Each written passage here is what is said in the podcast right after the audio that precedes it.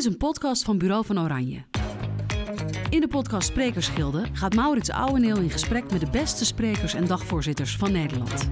Wie zijn deze mensen die dag in dag uit voor volle zalen staan en daar anderen weten te inspireren en motiveren? En wat heeft hen ooit geïnspireerd om dit te gaan doen? In deze aflevering een gesprek met Aaltje Vincent.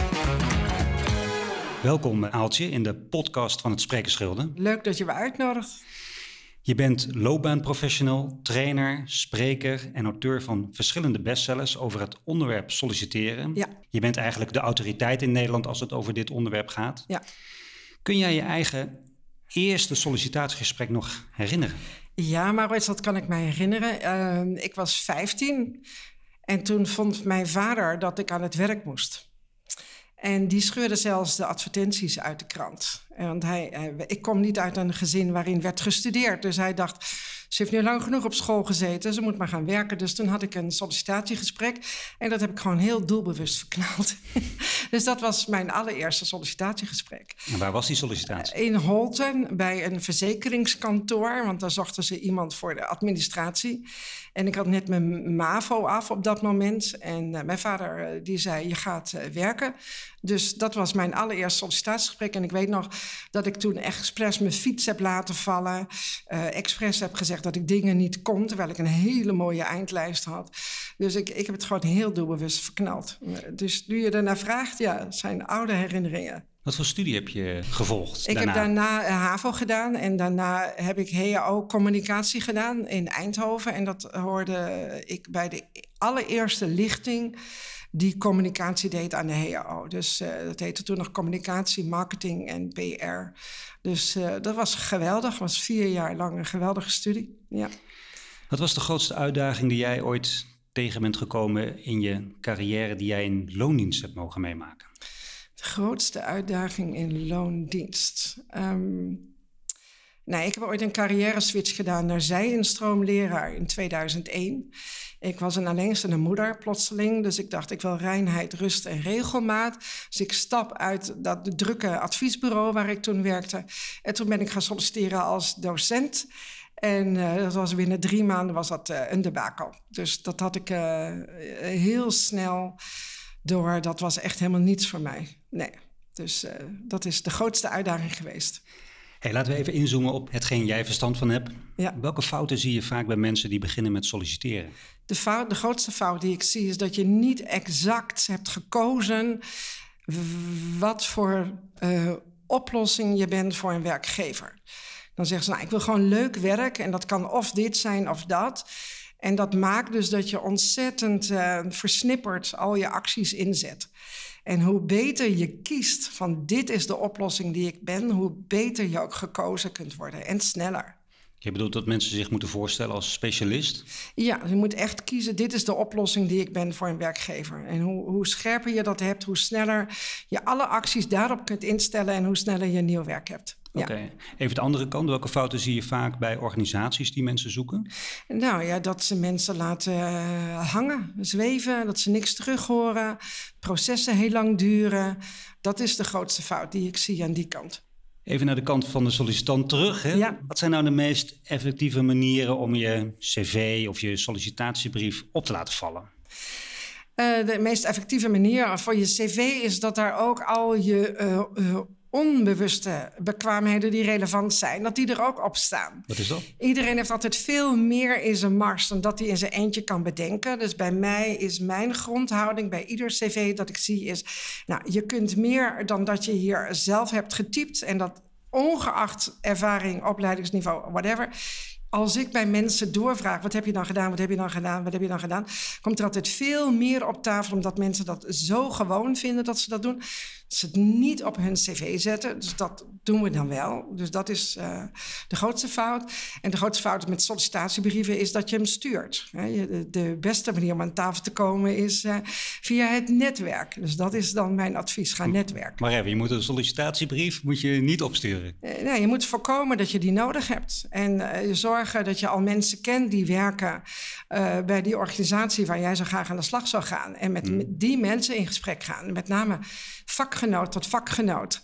Uh, praten over het vak. En dat maakt dus dat op het moment dat er een vacature is, dat, dat, dat je ook in beeld bent en dat ze dan aan jou denken. En dat je dan voorgesteld kunt worden van, goh, we moeten haar of hem ook uitnodigen.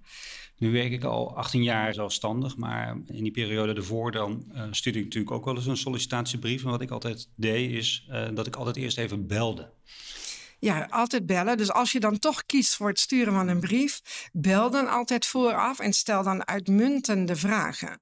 En uitmuntende vragen zijn vragen waarin je ook eerst een stukje van je vakmanschap laat vallen. Zo van, nou ja, ik wil heel graag, uh, jullie hebben hier deze ervaring als uh, vacature voor het hosten van jullie podcast. Uh, in mijn huidige werk uh, heb ik echt een, een heel strikt draaiboek. Waar ik dan uh, mijn sprekers ook vooraf al mee informeer. doen jullie dat hier ook al? Of moet dat nog gedaan worden? Dan drop je dus eerst een stukje van je vakmanschap en dan stel je een goede vraag. Wat is het vakmanschap precies? Het woord valt nu twee keer. Wel, wat is het? Nee, vakmanschap is dat je zegt: dit is waar ik goed in ben. In een als uh, oplossing zijn voor het, wat bij jouw organisatie gedaan moet worden. Dat is je vakmanschap. Hey, je bent de grondlegger van de jobmarketingmethode. Ja. Wat houdt het precies in? ik heb al, al wat dingen erover gezegd. Jobmarketing begint allereerst dat je zegt van nou, dit is de oplossing die ik ben voor een werkgever. En dat moet dus zo scherp mogelijk zijn. Plus, je moet ook goed in je vel zitten. Dat je zelf al vindt dat je er goed in bent. Dat je er zelf in gelooft. Ik ben een hele goede, dan gaat die werkgever er ook in geloven. Plus, je moet natuurlijk ook pretlichtjes hebben. Uh, zonder pretlichtjes word je nooit een nieuwe collega. Dat is de eerste fase. De tweede fase is dat je heel goed zichtbaar bent. Waar we het net al over hadden, over je cv. En dat geldt natuurlijk ook over LinkedIn. Uh, en de derde fase is uh, het sollicitatiegesprek, zodat je dat ook gelijkwaardig voert. En dat je ook uh, je eigen vragen stelt. Dat maakt of bereikt ook een goed sollicitatiegesprek. Je was de eerste die ooit een boek schreef over het werk vinden via social media. Ja. Hoe heeft technologie de manier veranderd waarop mensen tegenwoordig naar werk zoeken? Nou ja, LinkedIn, dat was dus uh, het boek Solliciteren via LinkedIn, was in 2009. Toen was LinkedIn al lang, maar toen werd het ook echt meer en meer gebruikt om nieuwe collega's te vinden. Het boek sloeg in als een bom. Dus um, dat betekent dus dat, dat de technologie van LinkedIn, dat je je op het internet kunt profileren om gevonden te worden door werkgevers en benaderd te worden door werkgevers en door je netwerk. Nou, dat is echt een revolutie in, in het solliciteren. Dus dat je niet meer zelf brieven en cv's hoeft op te sturen. Maar dat als je dat goed op orde hebt op LinkedIn, dat je dan benaderd wordt. En op dit moment bijna 100% van de beroepsbevolking op, in, in Nederland een LinkedIn-profiel. Dus recruiters zoeken je daar en uh, benaderen je daar. Dus dat is wel de grootste verandering geweest. Ik ken mensen die zijn, hebben geen profiel op LinkedIn. Maar die werken wel bij bedrijven. Hoe kijk je daarnaar? Nou ja, die, dat is zeldzaam, omdat dus meer dan 10 miljoen mensen in Nederland hebben wel een profiel. We hebben ongeveer een beroepsbevolking van 10 miljoen. Um, hoe kijk ik daarnaar? Kijk, als je een nieuwe loopbaanstap wilt gaan maken, is het gewoon heel slim om er wel in te investeren. Want ook al wil je dan toch per brief en cv uh, solliciteren, dan moet je er toch vanuit gaan dat je daar bekeken wordt. Dus stel dat je zegt, nou ja, ik heb geen nieuw werk nodig, dan zit je prima. Als je op een gegeven moment denkt, ik heb wel nieuw werk nodig, begin er dan zo snel mogelijk mee. Dan hebben we natuurlijk LinkedIn, dan hebben we natuurlijk nog een heleboel andere uh, social media's. En daarover ja. heeft uh, Jessica van Wingenden een vraag aan jou. Oké. Okay. Hoi Aaltje, ik heb voor jou een uh, vraag. Uh, hoe kijk je aan tegen de manier waarop we solliciteren in relatie tot social media? Adviseer jij sollicitanten om heel de socials af te schermen voordat ze gaan solliciteren? Of zeg je, joh, wees lekker jezelf, laat alles uh, met inclusief alle festivals en feestjes er gewoon op staan? Ben ik benieuwd naar. Leuke vraag. Um, nee, je moet in ieder geval van uitgaan dat je er bekeken wordt. Dus dat zeker op momenten dat je aan het solliciteren bent, maar verder, je bent gewoon jezelf. En je gaat ook naar festivals. Alleen dronken foto's, drugsfoto's, dat zou ik niet doen. Maar ja, je kunt ze niet afschermen. Wees gewoon jezelf. En dat is ook wie je bent als je daar de nieuwe collega wordt. Dus mijn advies is, uh, wees gewoon jezelf op social media. Ja. Hey, de, de arbeidsmarkt wordt steeds krapper. Wat moeten werkgevers doen om ja, aantrekkelijk in beeld te komen als werkgever? Wat werkgevers moeten doen om aantrekkelijk in beeld te komen, is in ieder geval laten zien hoe het is om bij hen te werken. En dat betekent dat ze dus echt ongelooflijk goede vacatureteksten hebben, die ook echt hun manier van werken weerspiegelen. Dus niet standaard teksten, maar unieke teksten, unieke foto's van echte mensen die echt bij hen werken. Ze kunnen uitstekend video gebruiken om een inzicht te geven hoe het is om bij hen te werken. Ze kunnen ook met podcast werken, uh, Maurits. Net zoals jij dat nu doet, kun je ook je medewerkers interviewen. En wat het allerbeste is natuurlijk je deuren openzetten en mensen de gelegenheid geven om uh, een kijk in de keuken te hebben en te praten met de mensen die er nu al werken, voordat ze besluiten te solliciteren. Ik ken daar ongelooflijk veel goede, succesvolle voorbeelden van. En dat maakt dus dat je echt uitstraalt van... nou, wij snappen dat solliciteren hoop is op een nieuw leven. Want dat is wat solliciteren ten diepste is. Dus wij snappen dat je wil weten wat we hier doen... hoe we het hier doen, met wie je dan komt te werken. Dus voel je welkom, we laten het zien. Onze deuren staan open. Nou, adviseer jij heel veel sollicitanten, maar jij adviseert ook heel veel organisaties hoe ze met, dit, uh, met het uh, speelveld om moeten gaan. Ja. Wat ik in één interview naar voren kwam, is dat jij sollicitanten vaak adviseert om een, eerst een kopje koffie te komen drinken. Ja. Ja. Nou, wat ik net al zei, hè, dus dat er zijn dus steeds meer werkgevers die dat ook uh, uh, ja, uh, enthousiasmeren. Dat je dus eerst op de koffie komt. En als je dat als sollicitant kun je dat ook doen. Ga netwerken met de mensen die er nu al werken. Ga met hen koffie drinken, want dan hoor je dus uit de eerste hand hoe het is om daar te werken. Kun je veel betere zelfselectie doen. Van goh, ga ik hier echt mijn nieuwe werkgeluk vinden of niet? En als je ook die koffie drinkt en je gaat uiteindelijk solliciteren, word je, ben je ook een betere sollicitant dan dat je alleen maar de vacaturetekst hebt gelezen. Stel je voor, ik wil bij RTL in dienst komen, om het als voorbeeld uh, te noemen. Wat raad jij dan eigenlijk aan om met collega's die daar bij RTL werken, ja. kijk of je daar iemand kent, ja daarmee uh, eigenlijk alvast een koffieafspraak te maken. Om ook beter uh, inzicht te krijgen waar kom ik te werken. Ja, het klinkt heel simpel. dat zeggen mensen dan, hoe moet ik dat dan doen, Aaltje? Nou, je, je, of je kent zelf al iemand die daar werkt. Uh, en die heb je heel lang niet gesproken of zo. Dan zeg je, nou, ik ben bezig met de volgende stap in mijn loopbaan. Jij werkt bij RTL. We hebben elkaar heel lang niet gesproken. Ik zou dolgraag eens een keer met jou koffie willen drinken. Ken je zo iemand niet? Dan vraag je aan iemand die je daar kent of die jou kan introduceren bij diegene. Uh, kan dat ook niet, dan kijk je op LinkedIn wie daar werken en dan leg je eerst via LinkedIn contact en dan vlieg je daarna het persoonlijke gesprek aan. Dus dit is, dit is mensen praten heel erg graag over hun werk. Dus je geeft hen ook een cadeautje van aandacht en aandacht is het nieuwe goud. Die is volgens mij van Danielle Brown. En dan geef je mensen ook het gevoel van... ja, ik wil echt alles weten over het werken daar. En dan geef je dus een cadeautje dat je daar ook echt in geïnteresseerd bent. En nu praten we in deze podcast met de beste sprekers en dagvoorzitters eh, van Nederland. Wanneer stond jij nou voor het eerst op het podium? Voor het eerst op het podium, dat was voor vakgenoten, voor onze beroepsvereniging. Um, ik ben dus auteur, dus ook al uh, eh, 16 jaar. Uh, het was daarvoor al dat ik bij NOLOC, uh, dat mensen al hoorden, de naam NOLOC is onze beroepsvereniging, al hoorden van mijn jobmarketingmethode. En toen had ik contact gezocht met de programmacommissie. En ze hadden toen nog allemaal regioavonden voor alle leden. En toen heb ik gezegd, nou, ik wil dolgraag de regio in met mijn verhaal. En toen zeiden ze: ho, ho, ho, dat gaat zomaar niet, want uh, je moet dan wel eerst proefdraaien bij ons. Nou, ik weet nog precies waar dat was en hoe ik het had voorbereid. En toen was ik goedgekeurd. En toen ging ik dus eerst uh, vier avonden voor mijn vakgenoten door heel Nederland uh, mijn verhaal doen. En dat is in mijn herinnering de eerste keren dat ik voor groepen stond. En dat was toen al groepen van 80 mensen. En hoe, hoe verliepen dat soort avonden? Want je staat voor mensen die hetzelfde werk doen als jij. En, en mijn boodschap was voor hen ook een onorthodoxe boodschap op dat moment. Want de meeste loopbaancoaches die hadden heel erg hun hart liggen bij de eerste fase van het vak. Wie ben ik en wat wil ik en wat kan ik? En daarop coachen. En toen kwam ik met mijn verhaal. Ja, maar dan gaat het vervolgens over hoe maak je jezelf zichtbaar. Dus uh, het was niet voor iedereen, maar ze waren er wel. Dus ze wilden wel heel graag horen hoe je dat dan deed. Dus ik merkte wel dat de eagerness om te horen van hoe je dat dan doet, die was er heel erg. Dus het was eigenlijk de goede boodschap op het juiste moment. Ik denk dat het meegeholpen heeft. Wat is jouw definitie van een goede spreker? De definitie van een goede spreker is dat je altijd mensen met een paar in nieuwe inzichten mee uh, de zaal uit laat gaan. Dat vind ik een goede spreker. Iemand moet echt een paar nieuwe dingen gehoord hebben dat hij denkt: Goh, zo had ik er nog nooit naar gekeken. Ja. Is spreken echt een vak? Ik vind spreken echt een vak, ja. ja. En zeker ook in dialoog zijn met de zaal. Voelen van waar zit de energie? Uh, waar zie ik een reactie? Waar kan ik op aanhaken? Inspelen op wat er ter plekke gebeurt. Ja, dat is wel wat een goede spreker kenmerkt. Waar let jij op als jij voor een groep staat? Ik let heel erg op mimiek en op reacties in de zaal. En als mensen iets uh, zeggen, een opmerking hebben, eh, onthoud ik dat automatisch.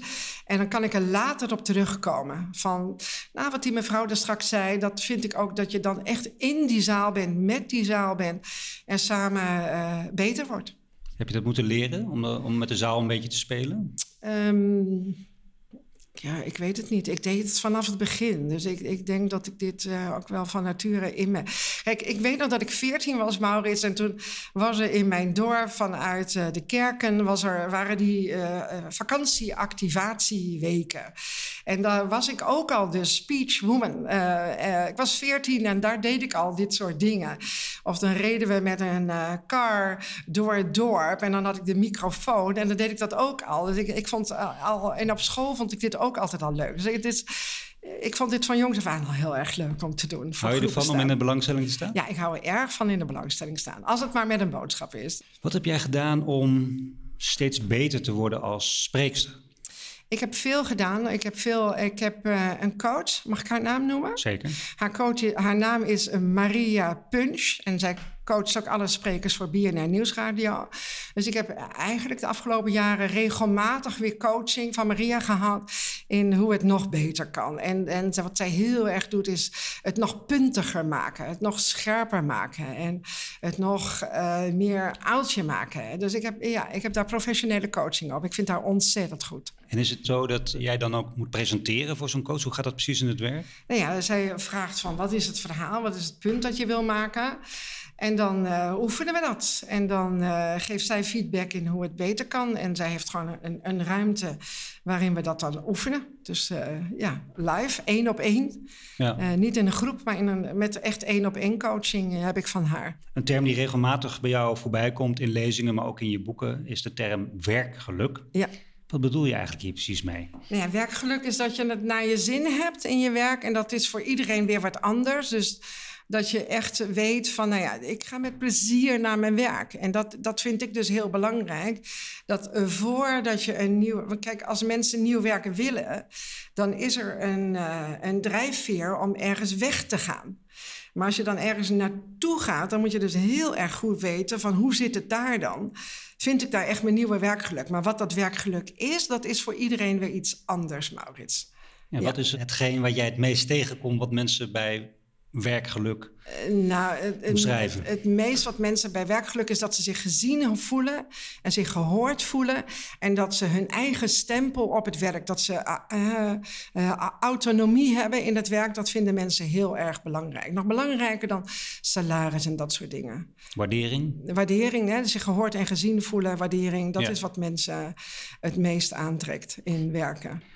Wat zijn nou zo belangrijke vraagstukken die organisaties aan jou voorleggen als input voor een lezing? Het belangrijkste is van hoe krijg ik mensen in beweging? En dat geldt zowel voor de jobmarketing. Ik doe dat nu uh, dit jaar veel bij uh, Philips. Hoe krijg ik mensen in beweging zodat ze echt adequaat, met slimme stappen, echt nieuw werk gaan uh, veroveren? Dat is een vraag. Aan de andere kant ook weer, hoe krijg ik uh, mensen in beweging, en met name dus leidinggevenden, om totaal anders naar dat sollicitatieproces te gaan kijken. Ik merk dat HR en recruitment wel al anders kijken, maar mij dan vragen: kun je onze leidinggevende meenemen in hoe dat is om te solliciteren, Aaltje, en in jouw visie in hoe we dat beter kunnen doen met sollicitanten. Het gaat beide keren om beweging. Je moet best wel wat mensen overtuigen eigenlijk. Ja, zeker. Is dat moeilijk? Um, nou ja, ik, ik, geef met name heel veel voorbeelden. Dus ik, ik, ik, ik merk dat de kracht van alles is dat ik voorbeelden deel. En dan gaat het bij mensen leven. Dus in mijn jobmarketing doe ik het ook met real-life voorbeelden. Ik coach mensen ook in grote groepen, ook ter plekke op hun cv. En dan zie ik bij de anderen de schellen van de ogen vallen. Oh, goh, eh, dat heb ik ook nog helemaal niet op orde in mijn cv. Dus ik doe dat met voorbeelden live. En als ik het heb voor HR, recruitment, leidinggevende, vertel ik dus succesvolle voorbeelden van hoe andere organisaties het doen. Dus mijn kracht is voorbeelden vertellen. Nu geef je lezingen, geef je trainingen, doet heel veel gesprekken. Stel je voor, je hebt uh, vanmiddag een zaal voor 200 uh, recruiters die jij moet uh, toespreken. Ja. Zo'n half uurtje zo voor aanvang van jouw lezing. Ehm, wat gaat er dan allemaal door jou heen? Dood zenuwachtig. Ja. Um, altijd? Dan kijk, ja, ik kijk altijd nog weer door de slides. En die heb ik dan geprint. Um, uh, ja, en dan uh, ben ik altijd nog weer, oh ja, dit is slide 1 en dit is slide 6. En uh, dit is, dus ik ben, dat gaat er allemaal door me heen. Maar ook het gevoel, ik heb het goed voorbereid. Dus ik heb het goed geoefend. Ik heb hier thuis een groot scherm. Ik heb een klok erbij. Um, ik vraag ook altijd: is er een klok? Want ik kan enorm goed inspelen op exact op tijd klaar zijn. Daar ben ik heel goed in. Maar dat soort dingen, dat, dat moet dan wel op orde zijn. Dus dan voel, ik, dan voel ik wel de spanning en de zenuwen. Maar ik voel ook, ik heb me goed voorbereid. Veel sprekers die ik heb gesproken, die stellen eisen aan het podium en de zaal waarin ze optreden. Jij noemde even net de klok. Zijn dat eisen die jij ook uh, stelt? Ja, ik eis uh, dat het goed geluid is. En ik eis dat er een klok is. Ik eis dat ik mijn volgende slide al kan zien. Ik eis dat er zo'n wegwerpmicrofoon is, weet zo'n ding. Uh, zodat als er vragen in de zaal gesteld worden, dat ik het goed kan horen. Maar de rest ook. Dus dat zijn wel eisen die ik van tevoren stel. En als het nou niet goed geregeld is? En je komt daar, hè, je ziet een half uur voor tijd uh, dat het eigenlijk er niet is. Uh, wat doe je dan? dan kijk ik of er nog wat te regelen valt. Uh, maar goed, je hebt zo vaak voor groepen gestaan. Er gaat, ik heb wel van alles meegemaakt al dat er mis is. Dus als het niet goed geregeld is, dan improviseer ik. En dan komt het altijd goed. Als jij ergens een lezing geeft of training geeft, wat vind je dan het belangrijkste dat de deelnemers na afloop zeggen? Dat ze zeggen: Zo heb ik er nog nooit naar gekeken. En hier kan ik morgen mee aan de slag. Die twee dingen. Ja, dat vind praktische ik echt, tips. Praktische tips, uh, nieuwe inzichten en meteen toepasbaar. Hoe belangrijk is het krijgen van applaus voor jou? Heel belangrijk. Ja, ik geef het eerlijk toe. Ik vind het gewoon hartstikke leuk. Um, als het maar inhoud is die ik kan geven. Dus uh, ja, maar ik moet eerlijk zeggen, als, als jong meisje droomde ik hier al over voor groepen staan. Dus uh, ja, het is alleen, kijk, tijdens corona bijvoorbeeld stond ik niet voor groepen. En toen kon ik ook goed zonder. Dus, de, dus het is niet zo dat mijn leven ervan afhangt. Uh, toen deed ik wel heel veel via Zoom en Teams. Uh, maar toen ik weer voor groepen mocht, ja, dan kom ik wel het meest tot leven. Dan hebben we al jaren met elkaar samengewerkt. Ja. Dan weet ik dat jij ook wel eens uh, aan sprekers zegt: heb jij behoefte aan wat feedback? En dan wacht je even wat de reactie is. En dan meestal is dat ja. En dan geef je even jouw professionele visie op bijvoorbeeld op de presentatie of op de inhoud.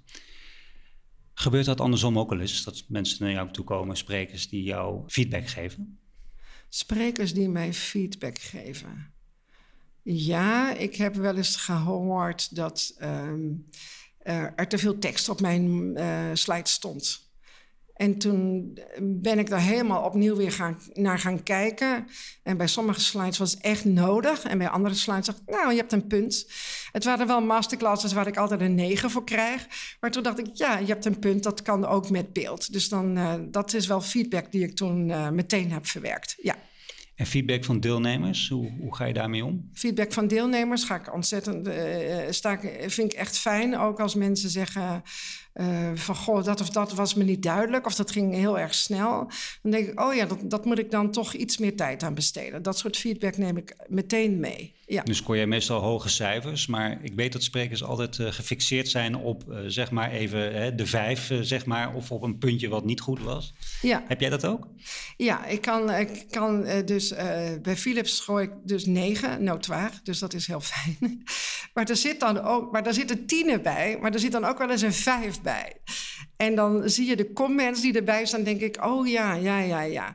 Uh, bijvoorbeeld de comment, ja, uh, she doesn't understand my profession of something, of so, like that. Nou ja, en dan denk ik, ja, dat klopt. Ik kan niet iedereen uit die zaal helemaal intunen op iedereen's individuele situatie.